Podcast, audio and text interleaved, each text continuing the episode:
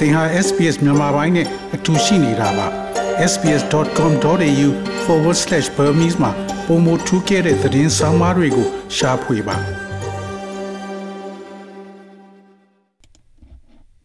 တရရှိမြရှိမြန်မာနိုင်ငံမှာ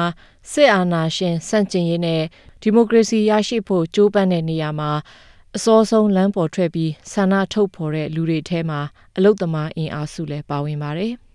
အာဏာသိမ်းမှုအပြီး6ရက်မြောက်နေ့ကလေးဟာစစ်အာဏာရှင်စနစ်ကိုစန့်ကျင်လှုပ်ရှားခဲ့တဲ့အလုတ်သမားအင်အားစုဟာလည်းလက်ရှိတစ်နှစ်နှီးပါကြာတဲ့အချိန်အထိအခွင့်အရေးဆုံးရှုံးမှုတွေကြုံတွေ့နေရဆဲဖြစ်သလိုပိုမိုကြုံတွေ့နေကြရတဲ့အနေအထားမှလည်းရှိနေတယ်ဆိုတဲ့အကြောင်းတင်ပြထားတဲ့တန်လွင်ခက်ရဲ့သတင်းပေးပို့ချက်ကိုနားဆင်ရမှာဖြစ်ပါတယ်ရှင်။သူတို့ကိုပြန်ပြီးတော့တော်လှန်ခြင်းပြလို့သိခံကောင်းမှုနဲ့ကြာလုပ်ခရလေ အလောကမာရီမမတရားဖိနေတာလေဖြင်းရှင်းပြီးနိုင်တဲ့အဖွဲ့အစည်းပေါ့အနာရှိတော်လှန်နိုင်တဲ့အဖွဲ့အစည်းမျိုးတို့လိုလာပါစစ်တပ်ကအာဏာစသိမ်းချိန်ဖေဖော်ဝါရီ၁ရက်ကစလို့အခုတစ်နှစ်နီးပါးပြည့်ချိန်အထိဖိနှိပ်ခံနေရတဲ့စက်ယုံဝန်ထမ်းအမျိုးသမီးတို့ရဲ့ရင်ဖွင့်တမ်းပါ အာနာသိမ့်ပြီးနောက်ပိုင်းကစလို့စက်ရုံအလုပ်ရုံဝန်ထမ်းတွေရဲ့ရသင့်ရထိုက်တဲ့အခွင့်အရေးတွေကိုအလုပ်ရှင်တွေကဥပက္ခမျက်ကွယ်ပြုခဲ့ကြတာကြောင့်နေ့စဉ်နဲ့အများဖိနှိပ်မှုတွေကိုပဲပြည်တွင်းကအလုပ်သမားအများစုရင်ဆိုင်နေကြရပါတယ်။စက်ရုံလုပ်ရုံပိုင်ရှင်တွေကအလုပ်သမားတွေရတင်ရထိုက်တဲ့လောက်ခလစာအပြည့်အဝမပေးတာအချိန်ပိုခြင်းမပေးတာအလုပ်ကအကြောင်းမဲ့ထုတ်တာလုပ်ငန်းရန်နာပြီးနောက်ပိုင်းအလုပ်သမားတွေကိုရော်ခြင်းမပေးတာတွေကိုရန်ကုန်တိုင်းကစက်ရုံအလုပ်သမားအများစုကြုံတွေ့နေကြရတာပါ။ အထက်ချုပ်ဆက်ရုံ900ကျော်ရှိတဲ့တဲကအများစုဟာပိတ်သိမ်းသွားခဲ့တာကြောင့်အလုသမား၄သိန်းကျော်အလုလက်မဲ့ဖြစ်ခဲ့တယ်လို့အလုသမားအဖွဲ့တွေကနေလည်းသိရပါတယ်။မပိတ်သိမ်းမဲ့ကြံနေတဲ့စက်ရုံတချို့ကလည်းအရင်ကလိုလကစားစနစ်နဲ့လောက်ခရှင်းမပြီးတော့ပဲနှိစားပုတ်ပြစနစ်နဲ့လောက်ခပေးချေတဲ့ပုံစံကိုပြောင်းလဲကျင့်သုံးနေကြတာပါ။ ငွေပေးချေတဲ့နီလန်ပြောင်းလဲလိုက်တဲ့အတွက် NLD အစိုးရလက်ထက်တုန်းကလိုအနေဆုံးလောက်ခလာစားတရက်ကျပ်4800နှုန်းကိုမရတော့ပဲဝင်ငွေတိတိတသားနေတော့တာအပြင်လစဉ်ဝင်ငွေရဖို့တောင်အလုပ်သမားတွေအတွက်အာမခံချက်မရှိဖြစ်နေပါတယ်ဒီလိုအခြေအနေတွေကြောင့်နေထိုင်စရိတ်ဖြည့်ရှင်းမှုအတွက်တောင်အခက်အခဲကြုံတွေ့နေရတယ်လို့ရန်ကုန်တိုင်းတွင်းကအိတ်ဆက်ယုံတစ်ခုမှာလက်ရှိနေစားအလုပ်လုပ်ကိုင်နေတဲ့အမျိုးသမီးတူကဆိုပါတယ်။ ဒါကနဲ့သူတို့နေတော့ဒါ9ရက်နေ့ကိုလက်တာပုံမှန်ထုတ်တဲ့ပေါင်ကစာဝတ်လေးတောက်ဖြည့်ရှင်းလို့ရတယ်အခုလိုမျိုးကိုကလာတာမဟုတ်တဲ့အခါကျတော့ဒီစိတ်ရုံက10ရက်လောက်ဆင်းလိုက်ရတယ်ဆင်းပြီးသွားရင်ရောဒနာလောအားကဘယ်လောက်ပဲရတယ်ဒါဟိုဟိုတာပုံပြသွားပြီး order ကြတဲ့ခါကျပြန်ခေါ်မယ်ဆိုတော့အခန်းကပေးဖို့ကလည်းမရှိပါဘူးတောက်ဖို့ကလည်းမရှိဘောနော်အဲ့ဒါလေးကျုံရနေရတော့အများကြီးပါပဲ အလုသမားတွေအနေနဲ့ဒီလိုအခွင့်အရေးတွေချုပ်ဖောက်ခံရတဲ့အခါသက်ဆိုင်ရာတာဝန်ရှိအဖွဲ့အစည်းတွေထံသွားရောက်တိုင်ကြားတာမျိုးပြုလုပ်ကြပေမဲ့တာဝန်ရှိသူတွေကလုပ်ငန်းရှင်စစ်ကောင်စီနဲ့ပူးပေါင်းပြီးအလုသမားတွေအပေါ်အလုထုတ်တာဖမ်းဆီးတာတွေပြုလုပ်နေတယ်လို့စက်ရုံအလုသမားအချို့ကဆိုပါတယ်။ စစ်ကောင်စီအနေနဲ့အလုသမားအဖွဲ့အစည်း16ဖွဲ့ကိုမတ်လ28ရက်ကလေးကတရားမဝင်ကြောင်းကြေညာခဲ့တာအပြင်တမကခေါင်းဆောင်တွေရဲ့နေအိမ်တွေကိုဝင်ရောက်စီးနေတာငွေကြေးနဲ့အခြားပိုင်ဆိုင်မှုပစ္စည်းတွေကိုတင်စီတာတွေလည်းလှုပ်ဆောင်ခဲ့ပါတယ်။ဒါအပြင်ဆန္ဒပြတပိတ်တွေမှာပါဝင်တဲ့အလုပ်သမားတွေကိုဖမ်းဆီးချုပ်နှောင်တာတရားလက်လွတ်တပ်ဖြတ်တာနဲ့ဥပဒေမဲ့အလုတ်ကရက်စဲတာတွေအပြင်လွတ်လပ်စွာအသင်းအဖွဲ့ဖွဲ့စည်းကုန်ကလည်းပိတ်ပင်ခဲ့ပါတယ်။ ဒါကြောင့်လက်ရှိအချိန်မှာတော့အလုံသမားတွေအနေနဲ့အားကိုးရမယ်ဖြစ်နေကြရတယ်လို့ဆိုပါတယ်။အာနာသိမှုကိုဆေးရုံဝန်ထမ်းတွေက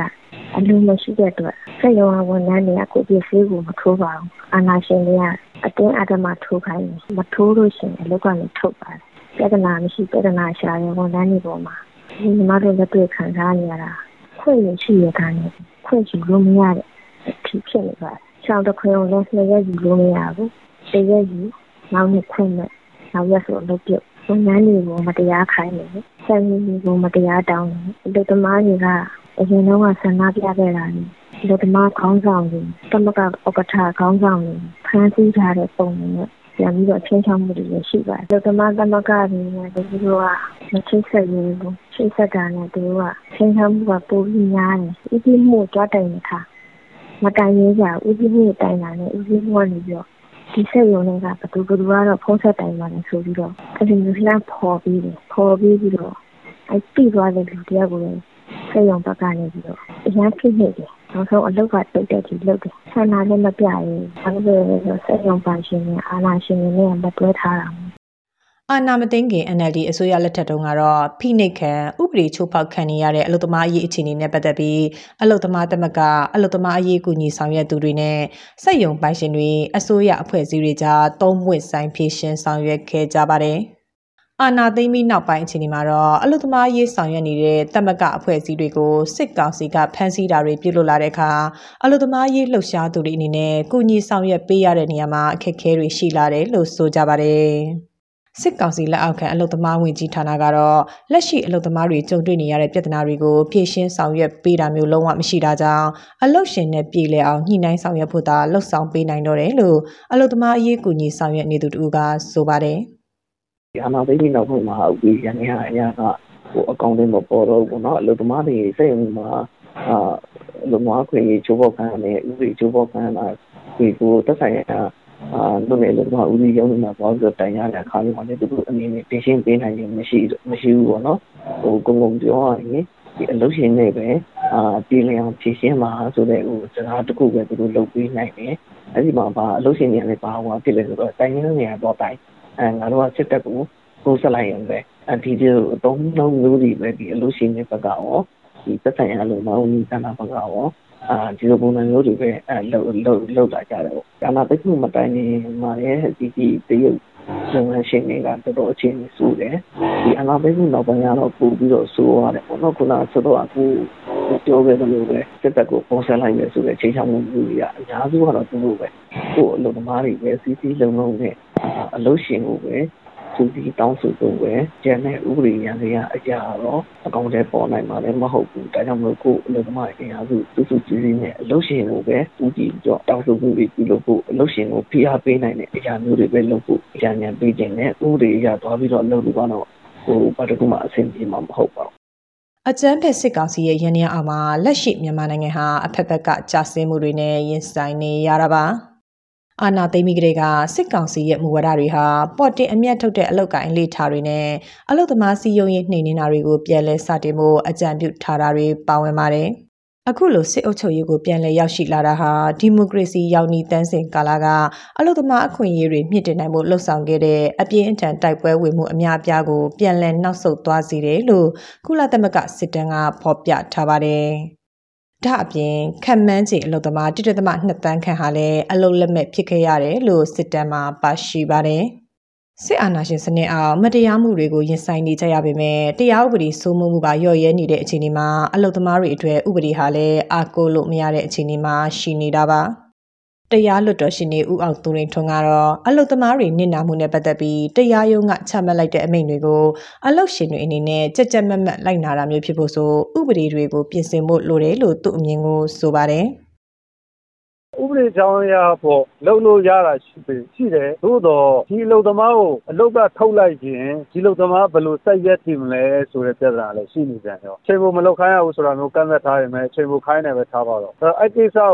အလုပ်သမားသမဂ္ဂအဖွဲ့အစည်းရတယ်တစ်ဆင့်တိုင်လိုက်တယ်ဆိုရင်အလုပ်ရှင်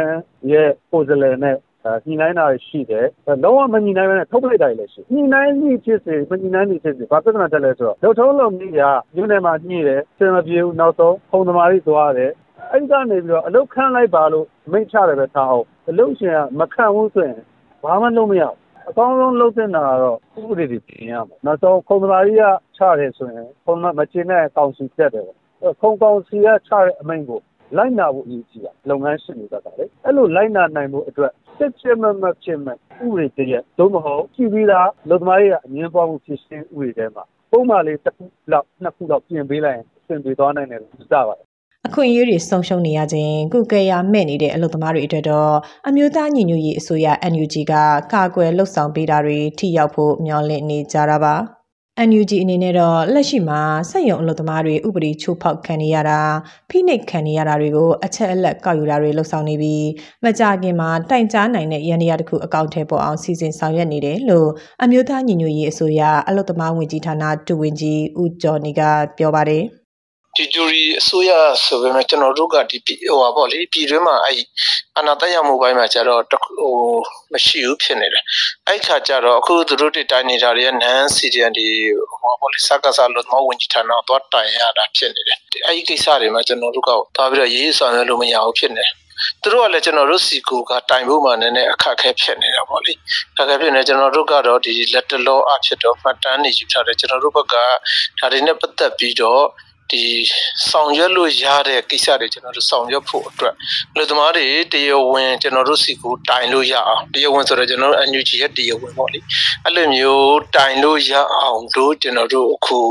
တိုင်ကြားတဲ့ရန်နေရာတစ်ခုကိုတီးဆောင်နေတယ်ပေါ့လေကြီးညာဖို့ပဲကျွန်တော်တို့ပါအဲ့ဒါဆိုလို့ရှိရင်တော့သူတို့တွေဒီဘက်ကကျွန်တော်တို့စီကိုတိုင်ကြားလို့ရမယ်ကျွန်တော်တို့ဘက်ကလည်းအဲဒီအဲ စစ်ကောင်စီနဲ့ပေါင်းပြီးတော့လူသမားအခွင့်အရေးချူဖောက်နေတဲ့လူတွေလူသမားတွေပေါ်ဖိနှိပ်နေတဲ့သူတွေကိုကျွန်တော်တို့အရေးယူဖို့အတွက်ကိုကျွန်တော်တို့စာဖို့စီစဉ်ထားတာတွေတော့ရှိပါတယ်အရေးယူတယ်ဆိုတဲ့နေရာမှာတော့ခုနကဟိုတမယိုးကြအရေးယူတဲ့ပုံစံမျိုးတော့မဟုတ်ဘူးပေါ့လေကွာတော်လိုင်းကာလအရေးယူတာဆိုတော့ဟိုအရေးယူလို့ရတဲ့ကိစ္စရှိတယ်အရေးယူလို့မရတဲ့ကိစ္စရှိတယ်ပေါ့လေအဲ့တော့ညီပေါင်းစုံနဲ့တော့ကျွန်တော်တို့အရေးယူဖို့တော့စူးစမ်းမှာပေါ့လေဒါကတော့လူသမားတွေအတွက်ကိုကာကွယ်တဲ့အနေနဲ့လုပ်ရမှာပေါ့လေ မြန်မာနိုင်ငံရဲ့အလုပ်လက်မဲ့နှုန်းဟာ2020ခုနှစ်မှာ1.9ရာခိုင်နှုန်းရှိပြီး2021နှစ်ကုန်ပိုင်းမှာ2ရာခိုင်နှုန်းအထိရောက်ရှိနိုင်တယ်လို့ကုတန်ရောင်းဝယ်စီးပွားရေးကမ္ဘာမက်ခရိုမော်ဒယ်စံနှုန်းတွေနဲ့လေ့လာသုံးသပ်သူတွေကခန့်မှန်းထားပါတယ်။ဒီလိုတိုးလာတဲ့အလုပ်လက်မဲ့တွေထဲမှာမပါဝင်နိုင်ဖို့အရေးပြည်တွင်းကစက်ရုံအလုပ်ရုံအလုပ်သမားတွေကတော့ဖိနှိပ်ခံအခွင့်အရေးဆုံးရှုံးခံရင်းနဲ့ပဲနေ့ရက်တွေကိုမျှော်လင့်ချက်မဲ့စွာရှေ့ဆက်နေကြရစေပါ။ ဒီသတင်းဆောင်မကိုတန်လွင်ခက်ကပေးပို့ထားတာဖြစ်ပါတယ် SPS မြန်မာပိုင်းကို Facebook ပေါ်မှာ like ရှာပြီး like မျှဝေမှတ်ချက်ပေးပါ